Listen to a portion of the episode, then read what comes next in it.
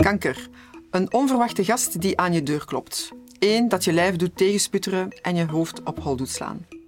In deze podcast zal het gaan over angst, onrust, chemotherapie en de dood. Maar ook over hoop, de liefdevolle ondersteuning van mensen en de vele vormen van levenslust na een kankerdiagnose. Ik ben Jamina Crossa van het VUB Jamina Crossa Fonds voor Kankeronderzoek. Nadat Tine Maanhout en Sylvia Brouwers het boek schreven Het is kanker, wat nu? nodigde ik ze uit om host te zijn van deze podcast. Deze podcast kon gemaakt worden dankzij de warme en waardevolle samenwerking van het VUB Jamina Crossa Fonds en de AFAS Foundation.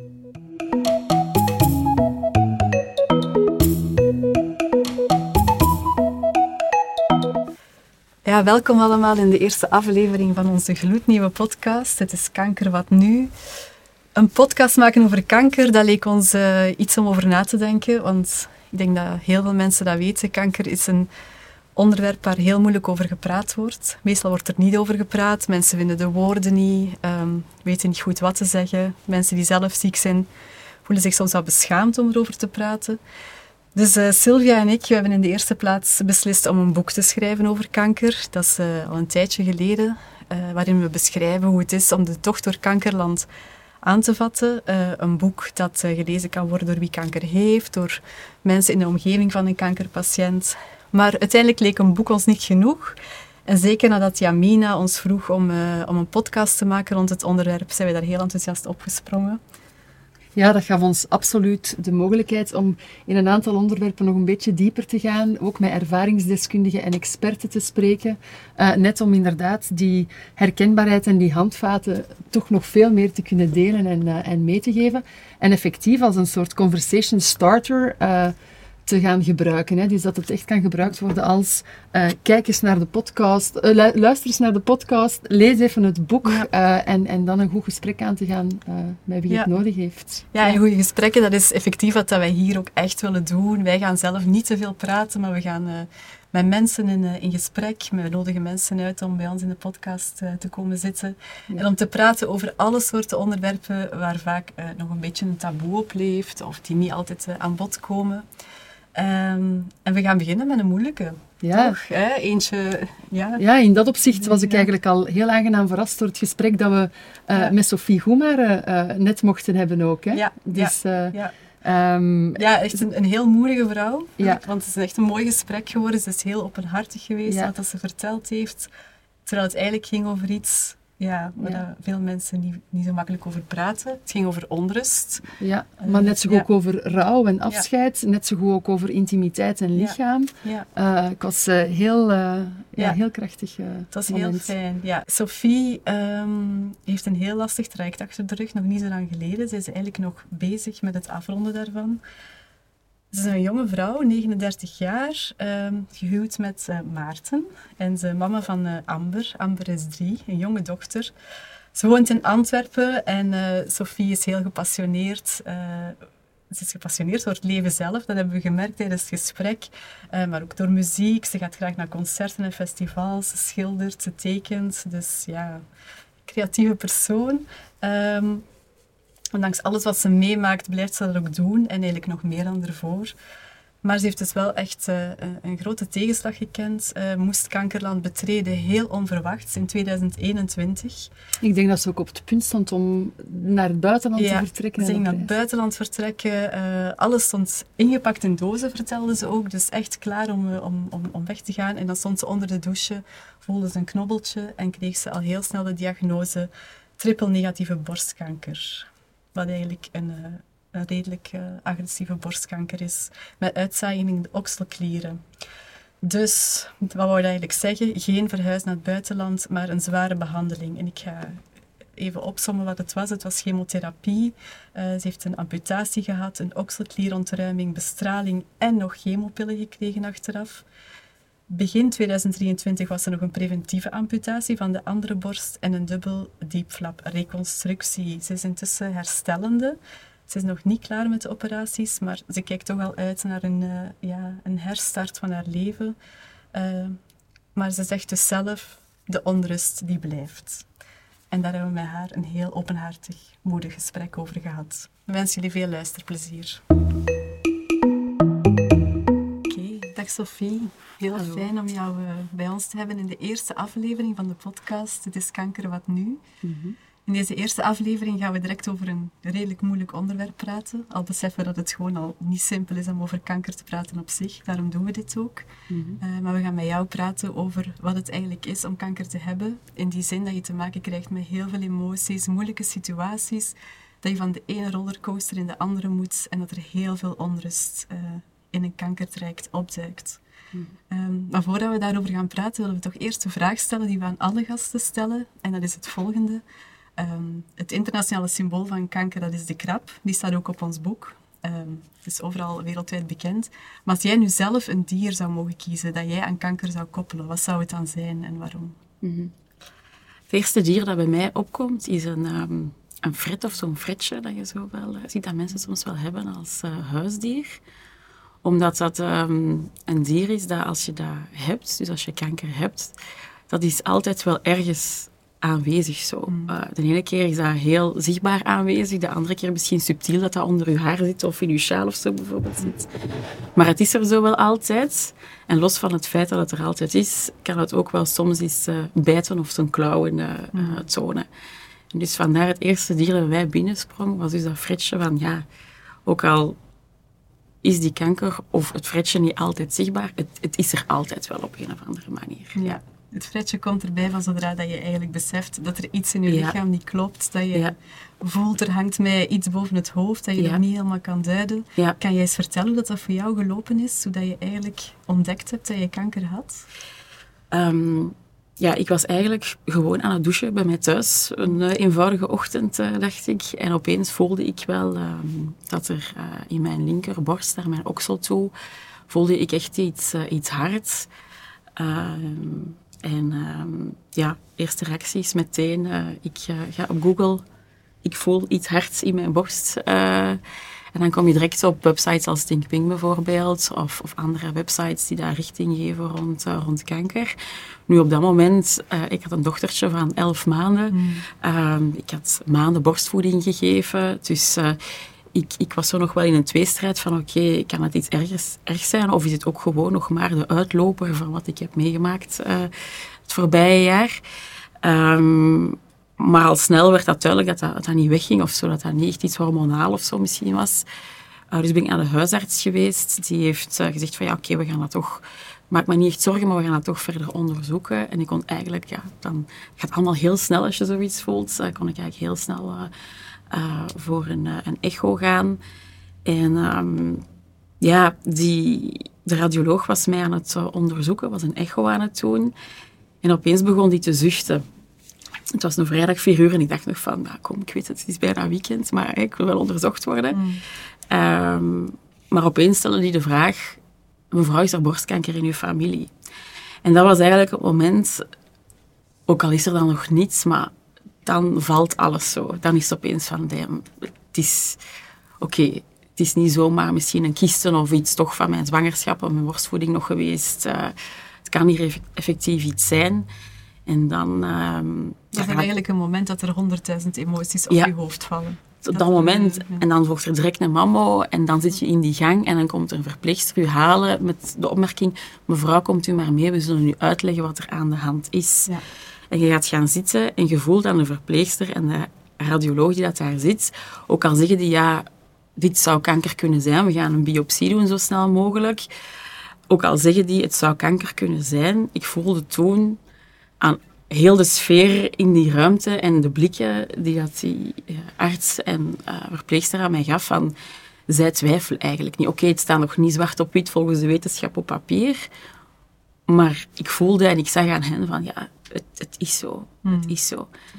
Uh, was je alleen op die consultatie? Ja, ik was alleen. En, en, dat merk je dan ook, want dan ga je naar huis. En dan vertelde ik het tegen mijn man en uh, vertelde ik het ook aan mijn moeder. Mijn moeder is zelfverpleegster. Heeft uh, haar loopbaan op dagzaal oncologie gewerkt, dus die, die, die kent heel goed die context. En ook al proberen ze u dan geruststellen van ja, oké, maar wacht, hè, we gaan dat eerst onderzoeken. Ik weet nog dat ik daar Jamina ook heb gebeld uh, om, om dat te checken. Maar ja, wacht even, wacht het resultaat af, wacht de scan van ook. Dat hoeft niet zo ernstig te zijn direct. Maar ik was in die ruimte en ik voelde heel goed wat zij, zonder het letterlijk te zeggen wat dat er gezegd werd eh, Ja. op dat moment. Hoe voelde je dat? Wat ging er door je heen? Ehm, honderd emoties. Ja. Eh, in eerste instantie, ja, verdriet en angst, denk ik dat het eerste twee zaken zijn die daar eh, aan bod eh, kwamen. Verdriet, omdat, ja, ik had een dochtertje van, van elf maanden. Voor ons was het ook niet zo gemakkelijk geweest om een kindje te, te krijgen. Ehm, dus dat is dan iets waar je naar hebt toegeleefd. We hadden ook zeker ook andere toekomstplannen op dat moment. Dus ja, eh, was verdriet en, en ook angst. Ehm, ja, angst om dood te gaan eigenlijk. Ja. Angst om te sterven. Eh, je weet dat er alle soorten behandelingen zijn. En op zich was dat niet op dat moment mijn angst. Mijn angst was van, oké, was dit het nu? Was dit, ik was net 37 geworden. Ja, voilà, ik was mama, ik was net 37. Was dit aan het leren dat ik, eh, dat ik kreeg eigenlijk. Ja, het is dat, want je, hey, was jong, jullie stonden ook op punt om te gaan verhuizen, naar het Ja. buitenland te gaan, een jonge dochter. En plots word je zo geconfronteerd Ja. met die diagnose, met de dood. Ja, Dat, is, e- dat is eigenlijk een omgekeerde wereld waar je in terechtkomt. Ja, en ik, ik ben iemand heel visueel, dus ik heb altijd heel veel beelden in mijn hoofd eh, daarbij. Ik stel altijd voor als zo... Je hebt zo je leven wat uitgestippeld, alsof dat je een domino-parcours of zo uitwerkt. Je zet domino-blokjes recht. En je hebt zo... Allee, ik toch, als ik naar mezelf kijk, je leeft een leven waarin dat je je toekomst zo wel wat uitbouwt. En ergens weet je wel, ik heb daar niet 100% controle over, over je leven, maar je bouwt dat toch ergens uit. En opeens valt dat woord kanker. En alsof dat iemand gewoon tik zegt en dan ligt helemaal plat. En dat is helemaal weg. En alles wat dat je in je hoofd dat, dat je ging doen, die verhuis naar het buitenland, was dan op korte termijn, maar wij wouden ook voor een tweede kindje gaan. En wij hadden ook een grote verbouwing doen aan ons huis, waarvoor dat we een lening zouden nodig hebben. En je beseft, ja, alles wat dat je zo wilt doen die komende jaren, dat ligt opeens helemaal plat. Dat is opeens weg. Het is opeens een hele andere eh, toekomst. En die, die kanker neemt dan zo'n overmacht eigenlijk op je leven. Dan is op dat moment is alles kanker eigenlijk eh, in, uw, eh, in uw leven. En dat is ja, toch het gevoel dat daar voor mij bij kwam. Ehm, ja. Ja, het is dat. Dus die, die, die, die stenen die vallen, eigenlijk alle houvast valt weg. En je staat daar eigenlijk voor een Ja, parcours dat nog leeg lijkt, want je weet Ja. niet wat dat er gaat komen, maar Ja. ook voor je omgeving. Dus je staat er samen met je partner voor, met je dochter. Hoe begin je aan zoiets? ja, dat is het. Je wordt eigenlijk, vond ik toch op dat moment, geleefd. Want dan dacht ik, voilà, ik, ik, op dat moment krijg je dan die diagnose, hè, ik heb triple negatieve borstkanker. En dan denk je van, oké, nu begint dat hoofdstuk, maar eigenlijk zijn er zoveel rollercoasters op een rij dat je, dat je eigenlijk krijgt. Want dan denk je, ik heb die diagnose, maar eigenlijk weet je dan nog niet in welk stadium dat je zit. Dan, dan, dan heb je je eerste consultatie met de oncoloog en dan is van, oké, ja, we gaan nog een PET-scan doen en we gaan nog die scan doen, want de vraag is, kan je hiervan genezen of niet? En dat zijn zaken die je, eerlijk gezegd, tot dat moment stond ik daar eigenlijk helemaal niet bij stil. De vraag was, heb ik kanker of niet? En dan opeens de vraag van, ja, maar kan ik hier eigenlijk überhaupt nog van genezen of, eh, of niet? Ehm, en, en dan zit je zo in die, in die malle molen van, oké, dan, dan zit je eigenlijk blij dat je maar eh, een lokale kanker hebt. Ook al had ik een uitzaaiing in mijn oksel, toch wordt dat nog altijd als een, een lokale kanker beschouwd. En, en stadium 3, je kunt, eh, je kunt het overleven. Ehm, maar dat is, dat, is, dat is zo die rollercoaster, dan wordt die behandelingplan opgesteld. En ik, ik weet dat ik mij zo eh, overspoeld eigenlijk eh, voelde van... Sommige mensen, je krijgt dan heel veel berichtjes van je omgeving van kom aan Sophie, je bent een sterke, positieve vrouw, laat u niet doen en, en vecht daartegen. En ik weet dat ik zo op dat moment had van, maar vechten, wie spreekt er hier over vechten? Dat, dat strijden, dat, dat vechten, dat heel veel mensen dat beeld hebben. Ik heb dat nooit zo ervaren, alsof dat ik in een krachtige fase zat of in een krachtige modus zat van ik ga dat hier een keer aanpakken. Ik voelde me eerder echt overspoeld, alsof het water aan mijn lippen stond. En, en ja, de ene keer kon je wel comfortabel ademhalen, maar de andere keer werd het zo diep dat je op je type moet lopen met je hoofd naar achter van ik ga proberen verder te gaan en te blijven ademhalen om niet hier door te komen. En Sofie, wat dat je daarnet zei, dat, is, allee, dat klinkt voor mij ook heel erg herkenbaar. Hè? Dus je hebt eerst dat stukje gevoeld dat er iets mis is. En je wordt onrustig, wat zou Ja. het zijn? En dan droppen ze een woord kanker. Ja. hè. En dan heb je het stukje daarna, waarbij dat je hè, die onderzoeken doorgaat. Eh, heel die, hè, uw agenda is ziekenhuisafspraken. Ja. En eigenlijk weet je nog helemaal op dat moment niet, inderdaad, wat dat je zegt, hoe erg is het? Dus die onrust is daar ook Ja. de hele tijd aanwezig. Mhm. Ehm, hoe erg is het? Is er een behandelplan? Ehm, gaan ze mij überhaupt hè, kunnen Mhm. helpen? Dus dat is eh, super herkenbaar wat dat je nu vertelt. Dat, dat leeg blad, dat eigenlijk, Ja. Ja, en ik- angstig. Ik denk, je hoort ook heel veel, als je er niet middenin zit, als je zelf geen kanker hebt of iemand dicht bij je die kanker heeft, je hoort er heel veel over. En in de media komt het heel vaak aan bod. En ik heb een heel goede vriendin die dat kanker eh, heeft en die heeft al die verhalen gehoord. En opeens heb je het zelf. En, dan, en, en, en eigenlijk voel het, ja, het is, ik weet er eigenlijk niets over. Je hoort het wel, maar op dat moment, en ik weet dat ik aan die vriendin dan gewoon eigenlijk heb gevraagd om gewoon helemaal opnieuw dat verhaal te vertellen. En vanuit een heel ander perspectief luistert je daar dan naar. Als het zelf bij u gebeurt, of ik geloof ook voor mijn man, als het heel dicht bij u eh, gebeurt, dan opeens komt het in een heel ander perspectief. Of voor mijn moeder, die heeft op oncologie eh, gewerkt. Opeens krijgt uw dochter het, en ik geloof heel hard wat dat je had gelezen of dat je wist, opeens is het, is het helemaal anders. En staat je er met die twee voeten middenin en, en maakt je die, die, die onrust helemaal mee en ervaart je echt al die emoties dan. Het is niet alleen begrip voor die emoties, maar je, je gaat het gewoon volledig door. Je hebt de emotie van verdriet. Ik had ook heel veel rouw. Rouw om de dingen die dat er opeens gewoon wegvielen. Om mijn oude ik ervaar ik direct van oké, maar wie dat ik altijd ben geweest, ga ik die nog kunnen zijn? Eh, je bent bang, maar je bent ook kwaad. Ik weet dat ik ook gewoon heel kwaad was. Ik, ik, ik ben er niet fier op om dat te zeggen, want dat zijn geen mooie gedachten. Maar ik was kwaad op iedereen die, bij wijze van spreken, 75 plus was en die rookte of zo, of die ongezonde levensgewoonte had en die daar gewoon door het leven ging. En ik, net 37, een gezonde levensstijl en ik heb kanker. En dat voelde zo oneerlijk aan. En, en eh, ja, dat was, ik was ook echt dikwijls boos. Zo, eh, ja. Maar dat raakt me wel dat je dat zegt, want dat is een emotie die erbij komt kijken, waar je soms ook een beetje voor schaamt, Ja. die dan bovenop een andere emotie komt. Mhm. Ik vind dat heel herkenbaar. En ook wat dat je zei van, oké, de ene rollercoaster komt achter de andere, je moet Mhm. erop, soms staat water je aan de lippen, heb je geen lucht meer. Al die rollercoasters verschillen ook van elkaar, Mhm. eh, afhankelijk van in welk stadium dat je zit. Ehm, hoe ga je daardoor? Hoe hou je dat vol? Hoe ga je heel tijd met die nieuwe onrust om, die toch blijft hangen? Ik heb die emoties wel gewoon ook laten zijn. Ik heb me daar wel aan overgegeven. Ik dacht, als ik kwaad ben, ja, dan ben ik kwaad. En ik heb soms als een klein kind staan stampen op de grond, eh, bij wijze van spreken. Eh, en je huilt. En ja, ik heb op dat vlak, ja, ik heb een, een, een man die daar volledig die rollercoaster heeft meegemaakt. En we hebben samen die emoties ook toegelaten. Er was ruimte voor verdriet, er was ruimte voor die, die angst om, om daarover te praten, om, om over doodgaan eh, te praten. Uh, wat dan niet evident is uh, om, om dat gesprek aan te gaan. Er was ruimte om over, over die kwaadheid uh, te, te praten. Um, dus ik heb dat wel, ik heb dat wel laten gebeuren, die, die emoties. ik denk dat dat wel ja, voor mij belangrijk is geweest dat ik geen rolletje hoefde te spelen op, op dat moment. Mm. Ik weet dat ik toen ook ergens had gelezen van iemand die dat ook kanker had, van oké, okay, ik ga hier door, maar ik ga er wel door op mijn manier. En dat was voor mij ook zo. Uh, om daar een concreet voorbeeld over te geven, bijvoorbeeld, eh, uh, ja, ik had chemo waardoor ik mijn haar uh, allemaal zou verliezen.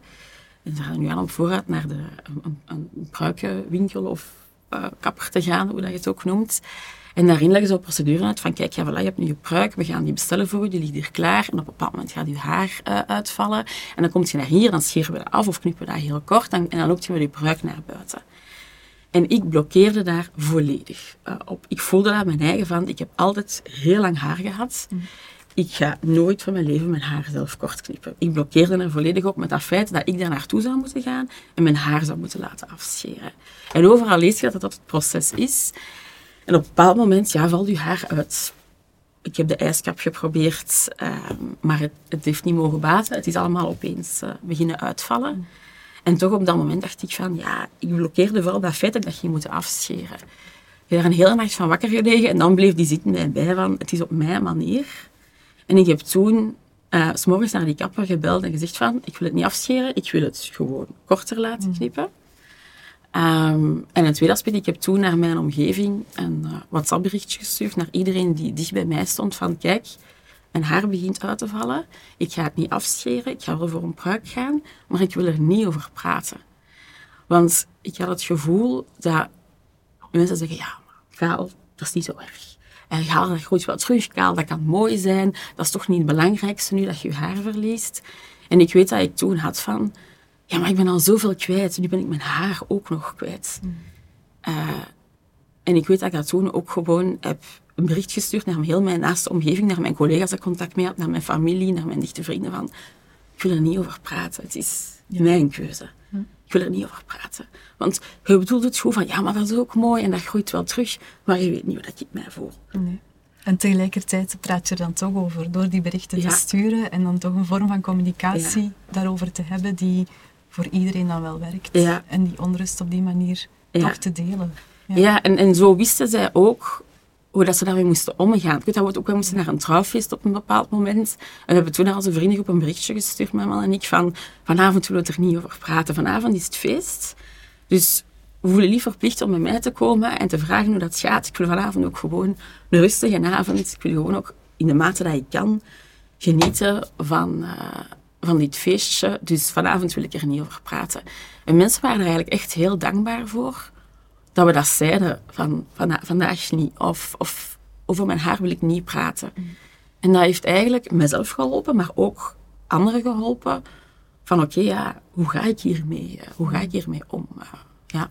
En wat dat heel waardevol is in wat je zegt, Sophie, is het feit dat je zegt, ik, heb, ik doe het op mijn manier. Ja. En ik denk dat dat eigenlijk een hele mooie is, dat iedereen dat eigenlijk ook allemaal op zijn manier mag doen. Ehm, en inderdaad ook kunnen aangeven van ik, ik ga helemaal niks laten weten. Allee, of ik wil mhm. eigenlijk liever gerustgelaten worden. Ja. Um, en daarin dan toch ook die communicatie doet. Allee, dus die op jouw manier is daar wel een hele straffen in. En dat je dat, dat, je dat ook echt dan uh, zo gedaan hebt. Dus mij heeft dat geholpen. Ja. Dat voel ik dat dat mij geholpen heeft. Door voor mezelf te zeggen, oké, maar ik ga, het, uh, ik ga het zo doen. Uh, Al die emoties zijn er. Je gaat al door zoveel als je dan nog eens moet nadenken over de verwachtingen of hoe de ander erop zich gaat reageren. En ik heb dat nu nog altijd, als mensen mij vragen, ja, hoe ga, als je voelt wel, is het een vraag van, Sava, alles oké? Is het een oppervlakkige vraag of is het echt een vraag? En als het echt een vraag is, dan geef ik ook een echt antwoord. Hm. Dan denk ik van, ja, niemand heeft er eigenlijk baat bij als ik een heel oppervlakkig ja, ja, alles komt goed, alles is goed. Ja, het is niet goed. Hm. Dus waarom moet ik zeggen dat het, dat het goed is? Um, dus dat, uh, dat heb ik voor mezelf wel, ja. Vraag me af, Sophie, want dat is ongelooflijk knap dat je dat kan doen. Dat vraagt veel moed. Um, maar kon je dat ook tegenover je dochter? Ik heb zelf twee meisjes. Toen ik ziek werd, vond ik dat het allermoeilijkste om op mijn manier door die behandeling te gaan. Maar ook tegenover hen authentiek daarin te blijven of zo. Of oprecht en eerlijk. Ja. Je had ook een jonge dochter, je hebt een jonge dochter. Hoe doe je dat tegenover haar? Kan jij ook gewoon wenen in haar buurt? Of geef je uitleg? Of hoe, hoe, is, dat, hoe is dat gelopen? Ja, ik, um, ik heb dat wel uh, toegelaten. Ja, op zich... Ha, even nadenken, maar ja, ik heb dat wel toegelaten. Mijn dochter, die natuurlijk, die was toen een jaar. En de ene keer was dat mama met kaal, met een bruik, met een muts op. Die zag dat niet. Mm. Dat is ongelooflijk. Mm. Maar een, een, kind ziet dat zo precies niet van uh, de ouders. Um, maar ja, ik, ik heb zeker wel gehuild in haar, uh, in haar bijzijn. Um, en dan vroeg ze, ja, dan kon ze dat wel vragen van, ja, mama, je weent. Um, en dan, ik ben er eigenlijk altijd wel eerlijk ja, in geweest van, gewoon, ja, mama heeft, heeft dat verdriet. Uh, of mama voelt daar niet goed. Of uh, bijvoorbeeld, ja, mijn dochtertje ging dan met mijn man gaan zwemmen. Ik kon dat niet mee, dan had zij daar verdriet over. En ik ook, want ik wou ook graag mee gaan zwemmen, maar ik kon dat op dat moment niet. En dan zei ik dat ook gewoon, ja, mama heeft ook verdriet omdat ze niet mee kan gaan zwemmen. Maar mama kan niet, want mama heeft een wonden of mama mag niet. En ja, die zag ook wel dat ik, ja, voor een kind is dat heel visibel, littekens, een pleister, verzorging die daar nodig is, een pilletje dat je neemt. En dan kan je dat wel uitleggen. Ja, mama moet dat pilletje nemen. Of mama heeft, heeft daar een litteken, dus mama kan niet mee gaan zwemmen. En ik vind dat ook jammer. Hmm. Dus ik heb dat eigenlijk nooit niet ik heb daar nooit over gelogen of een, of een verhaaltje rond gecreëerd. Ik heb dat wel altijd zo eerlijk uh, gezegd. Uh. Je hebt het altijd benoemd, ook tegenover haar. Ja. En gewoon ja, meegepakt in het leven zoals het op dat moment was ja. voor jullie. Ja, ja. ja. ja en ik, ik, ja, ik vind dat wel... Ik, ik wou dat ook wel. En ook naar mijn, uh, mijn, mijn metekind toe, die was toen uh, acht jaar. En die besefte dat ook wel, van ah, opeens is die haar haar kwijt of zo. Hm. En dat was ook van, ja... Die is, die is, ziek en door, door de bepaalde medicatie die je moet nemen, valt dat haar uit. Maar dat is niet zo. Maar alleen, dat ook niet, je wil ook geen angst creëren van oh, ik moet hier een, wel een kind denkt, ik moet een pilletje nemen en een haar gaat uitvallen of zo. Mm. Maar ja, het wel benoemen. Uiteindelijk, kanker zit in mijn leven en het, het is ook al, heb ik, houd vasthouden, op dit moment geen actieve kankercellen in mijn lichaam. Maar kanker is wel een deel van mijn leven. Mm. En zij is mijn dochter, dus op een of andere manier is het ook deel van haar leven. Dus dan vind ik ook dat ik daar eerlijk over moet, uh, moet zijn naar, naar haar toe. Uh, dat zij ook wel heel goed weet wat dat het is. Want jammer genoeg, op een bepaald moment gaat zij ook, dat is er een familiaal karakter, ja, gaat zij ook moeten controles hebben. Dus ja, ik vind dat ik maar eerlijk kan zijn. Het is, het is, haar leven, dus ik moet er ook naar haar toe eerlijk over zijn. Ook al is ze nog zo klein. Ik ga haar niet vertellen van mama gaat misschien doodgaan of zo, hè, die dingen. Nee. Dat, dat heb ik niet gezegd, maar, maar wel het, dat het er is. Ja. Dat er verdriet is eigenlijk. En dat die emotie er ook mag zijn. Uh, ja. ja. Dat heb ik wel gezegd. Ja, en er bestaan ook echt hele goede boekjes om kinderen mee te nemen in, het, in het mhm. kankerverhaal. Hè. Um, ja. Het is soms effectief wel belangrijker om het gewoon te delen en te vertellen van wat gebeurt er. Um, zelfs uit te leggen van, ja, door die medicatie verlies ik mijn haar. Uh, maar zoals een, een boom hè, kunnen die blaadjes ook teruggroeien. Dus dat gaat waarschijnlijk ook wel teruggroeien. Dus, En echt meenemen, daar bestaan ook heel leuke boekjes voor. Uh, dus ik geloof ook wel sterk dat het heel belangrijk is om dat te benoemen naar, uh, naar kinderen. Ja, zeker dat. En we praten nu met jou en jij, het gaat goed met jou. Maar er zijn ook veel mensen met wie het minder goed gaat, die ja, die jammer genoeg ook uh, tegen een levenseinde aankijken en ook mm -hmm. met kinderen daarover moeten praten. Ja. Bij jou is dat, op dit, is dat niet zo. Maar je bent wel geconfronteerd geweest ook met het feit dat het fout zou kunnen aflopen of dat het minder goed zou kunnen aflopen. Die onrust die op dat moment loskomt, blijft die hangen? Ja. Die confrontatie met de dood? Hoe, ik zou heel graag willen zeggen mhm. van uh, nee, maar de onrust is anders geworden. Hè. Um, je hebt de, voor mij, als het over onrust gaat, heb je de onrust bij een, de diagnose, de onrust tijdens een behandeling, omdat je dan ja, ik heb dat heel erg ervaren. Je leeft van scan tot scan, van, van behandeling tot, tot behandeling, van stap voor stap. En dan voor mij, dat is gedaan. En dan, ik, ik heb daar zo hard naar uitgekeken tijdens de behandeling, dat de behandeling zou gedaan zijn. Mhm. En ik weet dat ik in het begin van mijn behandeling de illusie had van, ja, dan is het voorbij, dan kan ik mijn leven terug oppikken en dan kunnen we terug verder. Maar hoe dichter dat ik bij dat einde kwam, en hoe meer dat er zo mensen rondom mij zaten van, ja, fish, het is bijna gedaan en we gaan, het ziet er goed uit. Dat ik besefte van, maar dit is helemaal niet gedaan. De behandeling is gedaan, maar het is niet gedaan, want de behandeling stopt. En dan, voor mij ook, de behandeling heeft zo een jaar geduurd. Dus dan, dan stopt dat en dan kijk je terug en dan begint de verjaardag van alles. Van, ah ja, het is juist exact een jaar geleden was het iets. En ik heb dat toen ook enorm herbeleefd, uh, dikwijls. Ook omdat je zo voor mij toch overleeft in die behandeling. Ik weet dat ik zo een, een week heb gehad waarin dat mijn dochter werd één jaar. Ik ging voor mijn tweede chemo gaan. Er was een probleem met mijn portakat. Ik heb op één dag tijd twee kleine ingrepen onder lokale verdoving moeten hebben. De dag nadien die tweede chemo. En een paar dagen nadien opeens mijn haar uit. Mhm. En dat een week en je moet door, want opeens daar dan die derde chemo. Maar een jaar nadien dat kwam dan de tweede verjaardag van mijn dochter. Dat is, ja, dat heeft mij volledig overspoeld. Ik heb dat volledig herbeleefd. En toen pas is, heb ik beseft, wat is er nu eigenlijk gebeurd op één week tijd mm. allemaal. Dus ik vind dat je dan in zo'n vacuüm terechtkomt na die behandeling van... Ja, opeens is het van, oké, de behandeling is gedaan en nu is het om de drie, vier maanden controle van, voilà, heeft de behandeling nu effectief gewerkt? Is het nu echt weg of, of is het terug? En, en dat is dan ja, het leven waar ik nu in zit. Het is nu anderhalf jaar geleden na het einde van mijn behandeling. En die controles om de drie, vier maanden blijven. Mhm.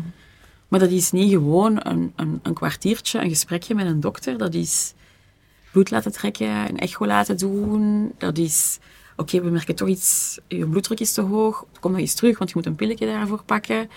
Ehm, dat is van de chemo die je gehad hebt. En dan, ehm, ja, dan was er opeens mijn leverresultaten niet goed. Oké, we gaan het nog eens verder onderzoeken. Dan is dat direct, oké, heb ik een uitzaaiing op mijn lever? Ehm, het is niet gewoon gedaan, want je blijft... Uh, er blijven altijd dingen gebeuren, of in je lichaam, je blijft iets voelen. Ja, is het nu terug, is het niet terug? Die onrust blijft. Het is niet gewoon om die drie, vier maanden een consultatie. Het is tussenin ook. En ik vind los daarvan, in uh, kanker, en zeker als je het ooit gehad hebt, je ziet het en je hoort het gewoon op heel veel plaatsen. En dat is confronterend. Uh, ik weet dat bijvoorbeeld deze zomer waren op vakantie. Het nieuws komt aan. Martin Tangen is overleden. Die had borstkanker, die is hervallen. Ja, dat heeft mij toen volledig overspoeld. Je bent op vakantie je wilt dan genieten van tijd met je gezin. En je wilt het eigenlijk allemaal eventjes achterwege laten. Maar dan komt er zoiets binnen. En dan, ja, dan word je daar met je twee voeten volledig terug ingetrokken eigenlijk. Je hoort dat nieuws en dan staat er weer een rollercoaster, totaal onverwachts, op je vakantie, waar dat je weer op moet. En ze blijven gewoon komen. Ja. Ontwikkelt je daar een soort van vaardigheid in om rollercoasters te nemen? Ja, ik heb wat dat gewoon gevonden, wat een stukje wat dat voor mij uh, werkt, en dat is dat ook benoemen. Dat je op dat moment door die rollercoaster gaat. Allee, hmm. Vooral dan aan mijn, mijn, partner en aan mensen die daar heel dicht bij mij staan. Van oké, dat je wel durft benoemen van... Oké, dat, dat, nieuws dat heeft mij echt volledig... Dat, dat, mensen ook rondom u weten dat je daar doorgaat dat daar ook begrip voor kan zijn. En voor mijzelf heb ik uh, mijn methodiek daarin is geworden dat ik daar ook een stukje... Ik heb heel veel, na, dat jaar behandeling ben ik opeens heel veel beginnen schrijven. En ik, ik teken en schilder ook graag. Ik begin tekenen en schilderen. Muziek, je staan liedjes waar dat je je in kwijt kunt. En ik, ik hou dat dan zo bij om, om, om dat zo eruit te krijgen. Het is niet dat dat weg is, maar wel een uiting daaraan te geven. Want ik heb voor mezelf gemerkt, het gewoon volledig opkroppen en het in mij houden, ja, dan, dat werkt niet. Want dan blijft de onrust in mij zitten. En, en dan, dan ben ik degene dat er echt slecht van slaap en het volledig ja, binnenin verwerk. En dan komt het er toch uiteindelijk op een ander moment mm. uit. Dan komt het toch terug. Ehm, dus ik besef van mezelf van oké, het is een rollercoaster. Ik ga die gewoon nemen. Ik ga daar gewoon opstappen en ik ga die gewoon nemen. En ik ga daar de uiting aan geven dat ik daaraan wil geven. En ook dat zal dan wel weer overgaan. Maar het is wel een besef. En ik ben tijdens mijn behandeling en na mijn behandeling ook wel bij een psycholoog geweest uit het ziekenhuis, een oncopsycholoog, uh, om daarover te praten. En op een bepaald moment, weet ik, in onze gesprekken kwam het wel naar voren van oké, vandaag is die behandeling niet. En vandaag heb ik misschien geen kanker, maar ik leef wel met kanker. En dat is wel een bewustzijn van... Het zal misschien niet altijd even groot zijn, maar ja, dat fretje dat ik daar straks zei, ik, heb, ja, ik leef met kanker. Hm. En ik besef heel goed, ja, dat gaat, dat gaat waarschijnlijk nooit echt helemaal weg zijn. Het zal misschien niet altijd even groot zijn in mijn leven. En op sommige momenten is het, is het klein en kun je leuke dingen doen en, en, en kun je het klein maken, die kanker. Maar op sommige mensen is het wel weer opeens heel groot. En ik heb voor mezelf beseft van ja, dat is ook dat aanvaarden dat dat op sommige momenten terug groot is. Daardoor gaan dat is uw frets die terug zichtbaar mhm. wordt eigenlijk. Hè? Dat is wat er gebeurt. Ja. Ja. dan is hij opeens terug echt uh, zichtbaar en, uh, en groot. En ik weet ook wel, op een bepaald moment zal die wel terug wat kleiner zijn. Maar... Ik vind dat wel bijzonder dat je dat zo omschrijft, dat je die fret eigenlijk constant bij je hebt. Soms is hij heel aanwezig, soms loopt hij eens weg, komt hij terug. Zoek jij een manier om met dat diertje dan om te gaan, om daar soms misschien mee te praten. En misschien is dat een heel gekke vraag, maar wij hebben dat zelf vastgesteld, dat dat bij ons bij momenten zo was. Mhm. Kanker wordt onderdeel van, van jezelf, van je leven. Raak je daar soms niet aan gehecht, maar beschouw je dat soms echt als een deel van jezelf, waardoor het ook moeilijk is om die fret misschien af en toe te zien weglopen en zonder het gegeven kanker af en toe ja, ja, verder te gaan. Ik zie het wel echt als een deel van mij. Hm. En ik, ik, ja, ja, het zit echt in mij, die, dat leven met die kanker. Ik weet dat ik op een bepaald moment het gevoel van, oké, ik heb verschillende rollen. En ik heb de rol van moeder, ik heb de rol van vrouw, ik heb de rol van vriendin, van zus. En ik heb ook de rol van kankerpatiënt. Hm. En dat is een nieuwe rol in mijn leven dat er is. En zoals alle rollen is die niet altijd even groot. Maar het is een deel van mij. Ehm, en het maakt ook dat, dat altijd in u zit vind ik dat dat kanker heeft heel veel negatieve zaken. Hè. Ik ga in de verste verte niks relativeren of verbloemen. Maar het heeft mij ook wel bepaalde dingen geleerd. Ik, ik, ik voel wel dat ik veel bewuster in dat hier en nu zit, wat je heel veel hoort, maar ik, ik ervaar dat ook zo, van wat wil ik eigenlijk nu? Wat wil ik... Allez, hè? Want je weet, ik heb volgende maand terug mijn controle, kan naar de boodschap krijgen dat het allemaal terug begint, maar wat wil ik nu eigenlijk? Wat wil ik hier nu gaan, uh, gaan bereiken? Wat wil ik gaan doen? En het maakt je op korte termijn ook ja, een stukje zelfzekerder van wat wil ik. En je hebt ook wel dat gevoel van, oké, ik heb dit wel, um, dit is effectief gebeurd en ik, ik, ik sta hier wel nog zo. Ik, ik heb dit wel en, het heeft mij uiteraard mee gevormd en, en mee hoe dat ik naar het leven kijk. Maar ik sta hier nog wel en met mijn twee voeten op de grond en dat maakt mij wel een stukje zelfbewuster. Um, dus uh, ik wil het ook niet vergeten, want je bent door heel die rollercoaster geweest. Je hebt het allemaal doorgemaakt. Je hebt, ja, die dood is er ook het einde van dat leven waar je eigenlijk soms een keer jezelf een vraag over stelt, uh, maar als opeens kanker valt, ja, dan kunnen je er niet omheen. Dan kijkt je ernaar, dan kijkt je die dood recht in de ogen en dan weet je van oké, ik weet niet wanneer het gaat zijn, maar het wordt, het wordt veel bewuster. Ja, dat, dat kun je niet zomaar naast, naast... En je wilt dat ook niet zomaar naast je. Je hebt al dat denkwerk en die emoties doorstaan om daar wel ook iets mee te gaan doen. Zo. Dus het is eigenlijk een stukje dankzij de onrust, dankzij die rollercoaster, ja. door alles te doorleven, ja. dat je toch veranderd bent als persoon en dat je wel kan zeggen, er is een leven voor, een leven na kanker. Ja. En die onrust heeft mij op een of andere manier op bepaalde vlakken wakker geschud. Ja. Kunnen we dat zo? Ja, en vooral bewuster zo gemaakt, ja. vind ik. Uh, ja. Ik vind dat ik nog altijd heel veel facetten heb van de Sophie voor, maar het is uiteraard niet meer hetzelfde. Je kunt naar bepaalde dingen niet met hetzelfde kijken. En ja, ja, die rollercoaster, je hebt gewoon gezegd van oké, okay, hebt geen keuze gehad, je zit erin en je gaat ervoor. Je hebt, je hebt, je hebt geen keuze. Je krijgt de diagnose kanker en je moet in die rollercoaster gaan zitten. En opnieuw en opnieuw en opnieuw. Maar uiteindelijk, voilà, ik sta hier vandaag. Ik heb dat achter de rug. Ik ben daar doorgekomen. En dat is niet voor niks geweest. Ik, ik ben nu bewuster in waar ik nu sta. Ja. Kan jij begrijpen dat mensen niet in de rollercoaster willen stappen? Op een bepaalde manier moet je wel, maar je kan ook kiezen om geen behandelingen te doen of om echt alles toe te smijten op het moment van de diagnose, niet te communiceren met de omgeving en ja. niet met jezelf. Kan je dat begrijpen, dat dat gebeurt bij mensen? Ik kan dat rationeel gezien begrijpen, in die zin van ik kan begrijpen dat er angst is. Het is geen pretje, hè. Nee. Het is geen pretje, hè. Die chemo... Um, uh, ik hoorde iemand vertellen van ja, het is heel moedig om voor een tweede keer naar je chemo te gaan, want je weet exact wat er gaat gebeuren en je gaat gewoon je arm geven en zeggen, doe het maar allemaal opnieuw. Dus ik, ik, ik snap dat heel goed. Chemo is geen pretje. Die bestraling, dat lijkt zo niks, moet daar gewoon gaan liggen. Maar het feit dat iedereen buiten stapt, dat jij daar alleen ligt en een gezoom hoort.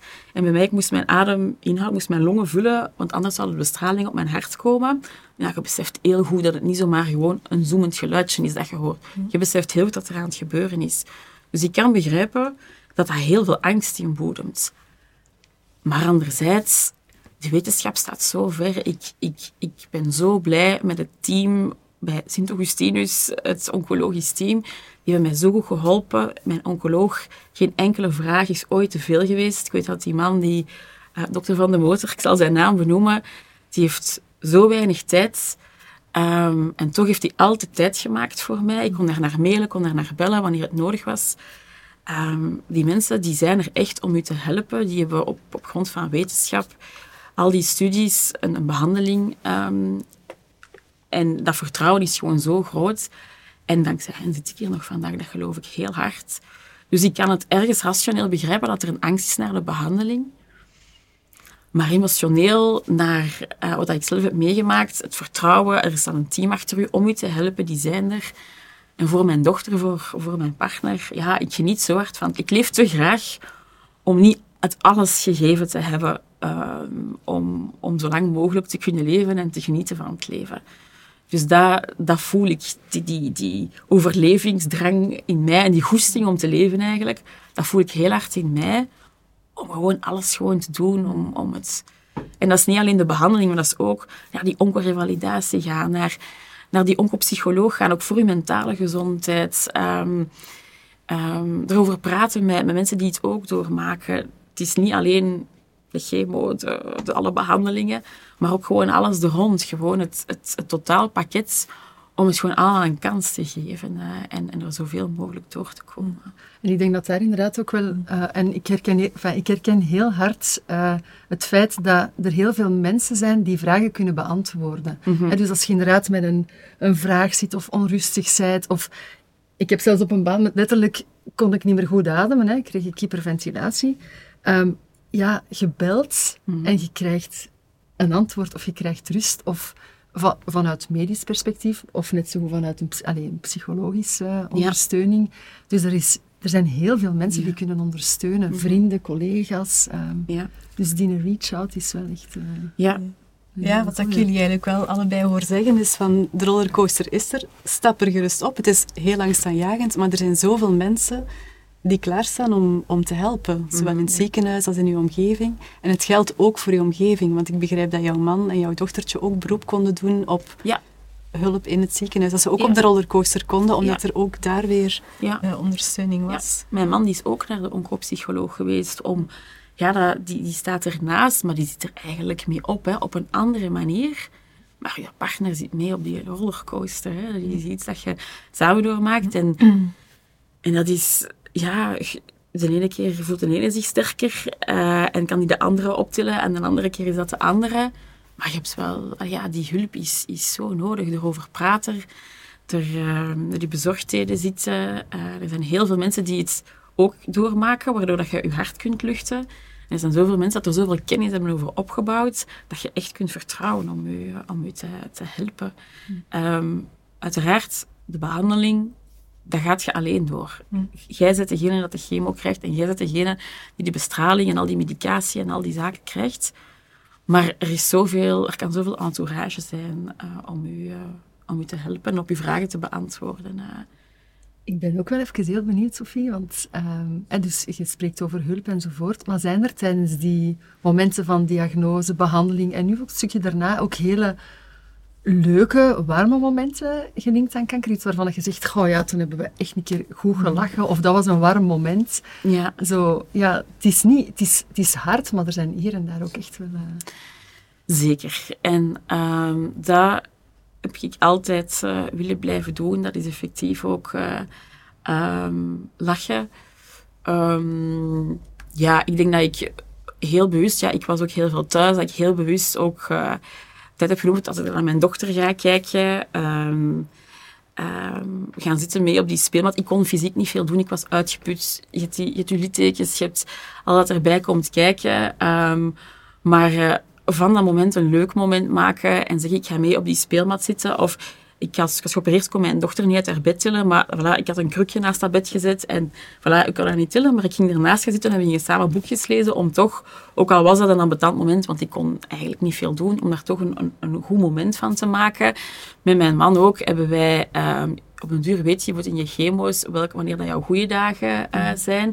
Dan hebben we altijd gezorgd dat we iets leuks deden. Al was het leuk gaan lunchen of eens een dagje naar Amsterdam of zo bijvoorbeeld. Maar al was het maar 24 uur in heel die chemoperiode per week dat ik mij goed voelde, wel, dan gingen we iets leuk doen in die 24 uur. Dan ging ik niet het achterstallige huishoudelijk werk gaan doen, maar dan ging ik effectief iets leuk doen.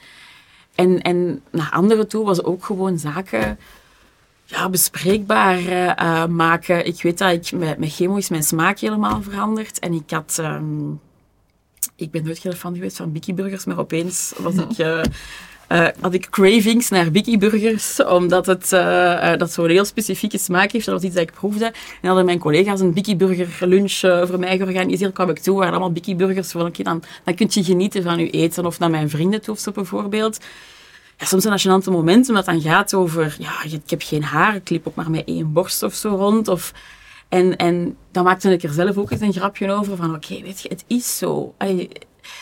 Laten er, oké, kanker is serieus, maar laten we er ook wel luchtig over doen. En laten we ook wel, ja, uh, er eens een mopje over maken of zo. Dus daar daar heb ik altijd wel uh, ruimte voor gelaten. Uh, ik vond in al die gesprekken, er was ruimte voor eerlijke antwoorden en waar ga ik door en wat is er. Maar ik wou ook echt wel plezier maken. Ik had voor mezelf wel zoiets van, bon, dit, dit is mijn leven nu, ik moet hier door die behandeling ik kan kiezen, uh, stel dat ik dit niet overleef, ja, dan wil ik toch niet die laatste jaren van mijn leven heel een tijd in mijn zetel in een hoekje hebben zitten wenen en, bang zijn. Tuurlijk zijn die momenten er. Ik ben bang, ik ben verdrietig, maar ik, wil ook, ik wil ook gewoon leuke, leuke dingen gaan doen en, en ervan genieten. Ehm, en niet in mijn hoekje gaan wegkwijnen. En het is uiteraard angstig de eerste keer dat je um, met je, je, je mutsje in een koffiebar gaat zitten. Dat is angstig. En je krijgt uh, de blikken. Um, of bijvoorbeeld, ja, nu met het lichaam dat ik heb, de eerste keer dat je terug eens naar een zwembad of naar een sauna gaat of zo bijvoorbeeld. Maar ik doe dat zo graag naar de wellness gaan. Dus ga ik echt dat niet meer doen, omdat ik littekens heb en schrik heb voor acties, reacties van anderen. Dus dat heb ik wel voor mezelf die klik kunnen maken van, bon, we gaan genieten van dat leven en de dingen doen dat ik graag doe bovenaan zetten. En voilà, dit ben ik nu. En, en voilà, daar, daar wil ik gewoon gaan verder blijven, uh, blijven doen. Uh, ja.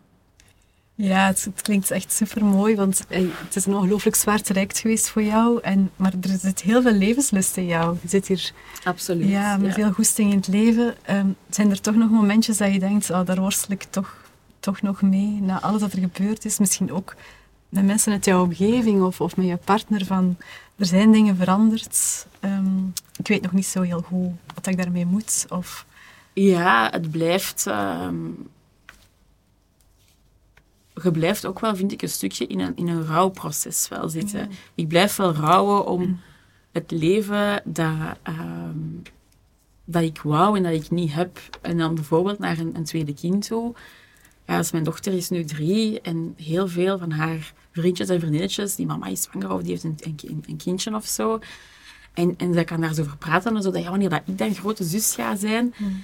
En dat zijn heel, momenten waar je wel echt houdt, om, omdat dat er, uh, ja, wat dat je eigenlijk wel altijd heel graag wou, dat er waarschijnlijk niet gaat, uh, gaat komen.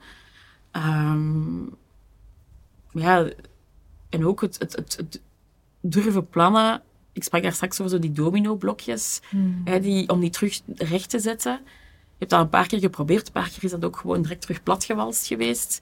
Om daar toch gewoon naar terug te durven, zo vind ik, om zo gewoon te plannen dat vind ik gewoon terug zorgeloos. Zo wat dat, je, dat ik daarvoor had, dat je, dat je echt, je weet wel van, ja, ja, ik weet dat het leven kan allemaal wendingen hebben, maar eigenlijk, je plant gewoon je leven en je denkt, ja, binnen drie jaar wil ik dat doen en dan wil ik dat doen. En, en je droomt gewoon en je plant gewoon en je leeft daarin voluit. En ergens voel je toch nog altijd wel, vind ik, die rem zo. Mm. Van, ja, maar het is bij mij niet zo. Hè. Ik, ik, kan altijd, elke drie, vier maanden, kan ik horen, oké, okay, we zijn terug goed voor drie, vier maanden, of nee, er zit iets, we gaan dat toch terug moeten onderzoeken. En ik weet, het is niet opeens van dat dat mijn doodsvonnis wordt gezegd, dat er na drie, vier maanden toch iets gevonden mm. zou worden. Maar dan, dan zit ik toch wel terug in een heel andere rollercoaster uh, mm. terug. Dus ik, ik, ik vind, um, voor mij het verschil is dat in dat hier en nu leef ik precies met veel meer goesting en, en ongeremdheid. Maar op die lange termijn blijft dat toch wel een, een, een bepaalde naïviteit of zorgeloosheid die ik echt wel kwijt ben. Ja. Uh, en, en dat, dat is voor mijn man uh, ook zo. Dat, voel ik wel.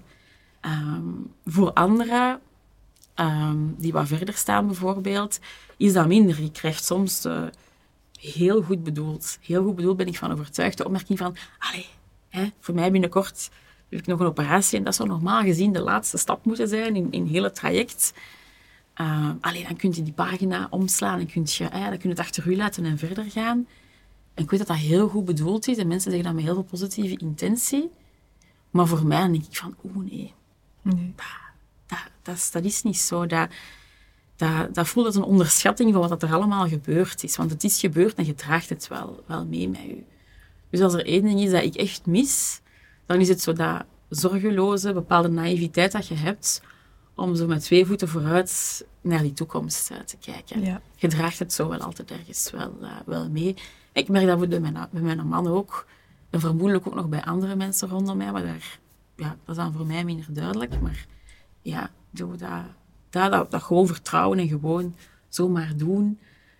Uh, ja, dat is toch wel uh, ja. moeilijker, dat voel ik wel. Uh, en toch blijven jullie die bouwstenen rechtzetten. En soms vallen ze dan weer omver. Ja. Maar jullie blijven toch opnieuw elke keer een steentje rechtzetten. En er zit iets heel hoopvol in dan toch. Ja, omdat je als ik dan toch naar, naar mezelf kijk, ja, ik heb wel goesting om te leven. Hè. Je, uh, ik weet dat ik die diagnose uh, kreeg, dat, dat, ik echt zoiets had van, ja, maar allee, ik heb dit niet nodig om naar mijn leven te kijken en, en, en die dingen te veranderen. Ik, ik, ik, ik genoot al van het leven en ik, ik weet wel wat dat ik wil doen.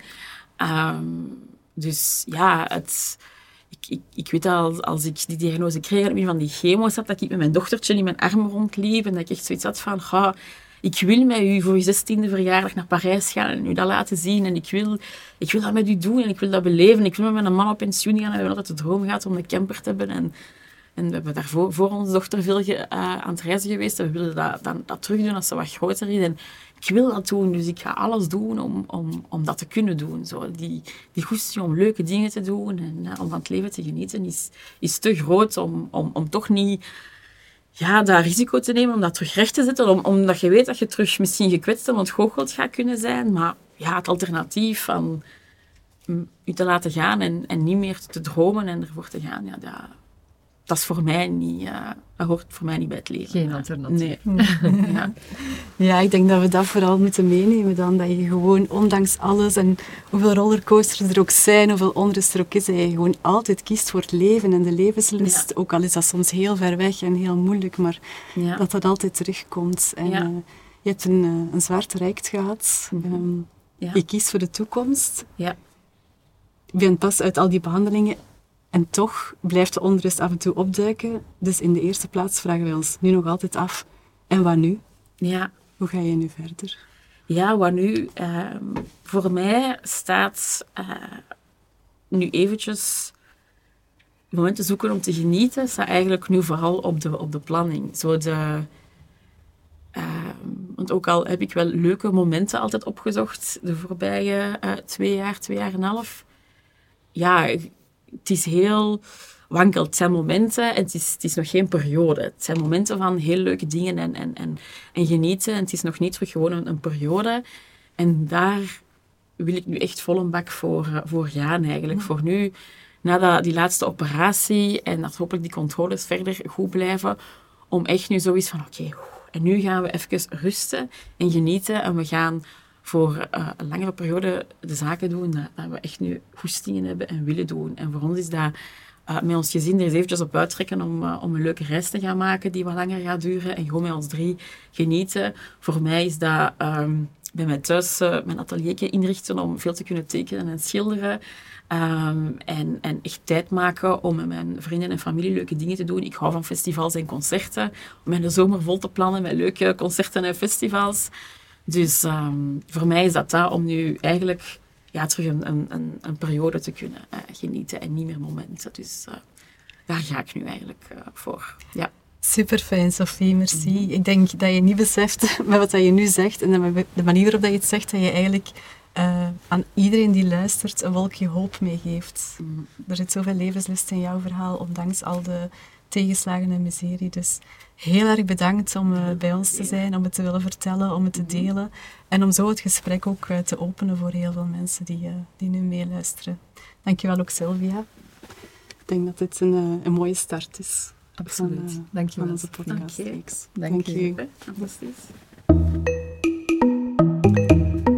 Voilà, dat was het gesprek met Sophie. Ik denk dat het een heel mooi opener was voor de, eer de eerste podcast. Um, en wat ik vooral onthoud is dat uh, ondanks alle rollercoasters, alle onrust, dat er ook uh, heel af en toe hoop opduikt. Een wolkje hoop dat je kan meepakken en, uh, en dat de levenslust toch ook blijft, aanwezig blijft. En dat je daar je ook aan kan vastgrijpen voor jezelf en de omgeving.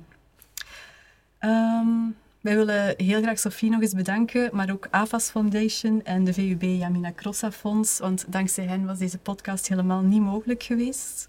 Ja, met deze podcast willen we uiteraard kanker bespreekbaar maken, ook met het boek. Uh, en kanker bespreekbaar maken is voor ons echt heel belangrijk. Maar wat dat nog belangrijker is, is dat er uh, mensen onderzoek kunnen doen naar kanker en naar manieren om kanker te bestrijden. En dan willen we ongelooflijk graag het straffe in, het, ja, in de spotlight zetten van dokter Damia Laoui. En zij doet onderzoek aan de VUB dankzij het Yamina Crossa Fonds. Uh, je kan meer te weten komen over het fonds uh, op onze website www.tiskanker.be. Kan je ook de afleveringen beluisteren en, uh, en filmpjes en fragmenten vinden over de opnames van de podcast. Absoluut. Dus het is kanker.be inderdaad. Daar vind je ook een knop en druk op die knop, want van daaruit kan je dan effectief ook het, een donatie doen aan het VUB Amina Crossa Fonds. Nogmaals, heel erg, heel erg belangrijk om dat onderzoek te blijven ondersteunen. Um, op de site vind je ook ons boek, waar, waar het voor ons dan ook allemaal begon. Uh, we begrepen dat het al heel veel mensen heeft ondersteund, uh, van heel jonge, jammer genoeg heel jonge kankerpatiënten tot ook verschillende soorten kankers. Um, maar laat vooral de podcast en het boek in dat opzicht dan een, een, ja, een gespreksstarter starter zijn, om van daaruit ook vooral voor jezelf aan de slag te gaan en van je uit eigen kracht en moed dat gesprek aan te gaan. En ja, en als dat gesprek soms moeilijk is, dan kan je samen dus naar een aflevering luisteren of afleveringen doorsturen en dan er achteraf over praten. Dus uh, ik denk dat het wel wat deuren kan openen naar een manier om over kanker te praten. Ja, heel belangrijk allemaal. Samen zijn we sterk, dus druk op de knop, uh, deel de afleveringen, praat erover. En uh, uiteraard nodigen we jullie in dat kader ook heel graag uit voor de volgende aflevering, waar we zelf uh, gaan praten over iets wat we ook wel moeilijk vinden, wat veel mensen moeilijk vinden. We gaan over emoties praten en in het bijzonder over één emotie die constant bijna aanwezig is als je voor een traject in kankerland staat. En dat is angst. Heel graag tot de volgende. Tot de volgende.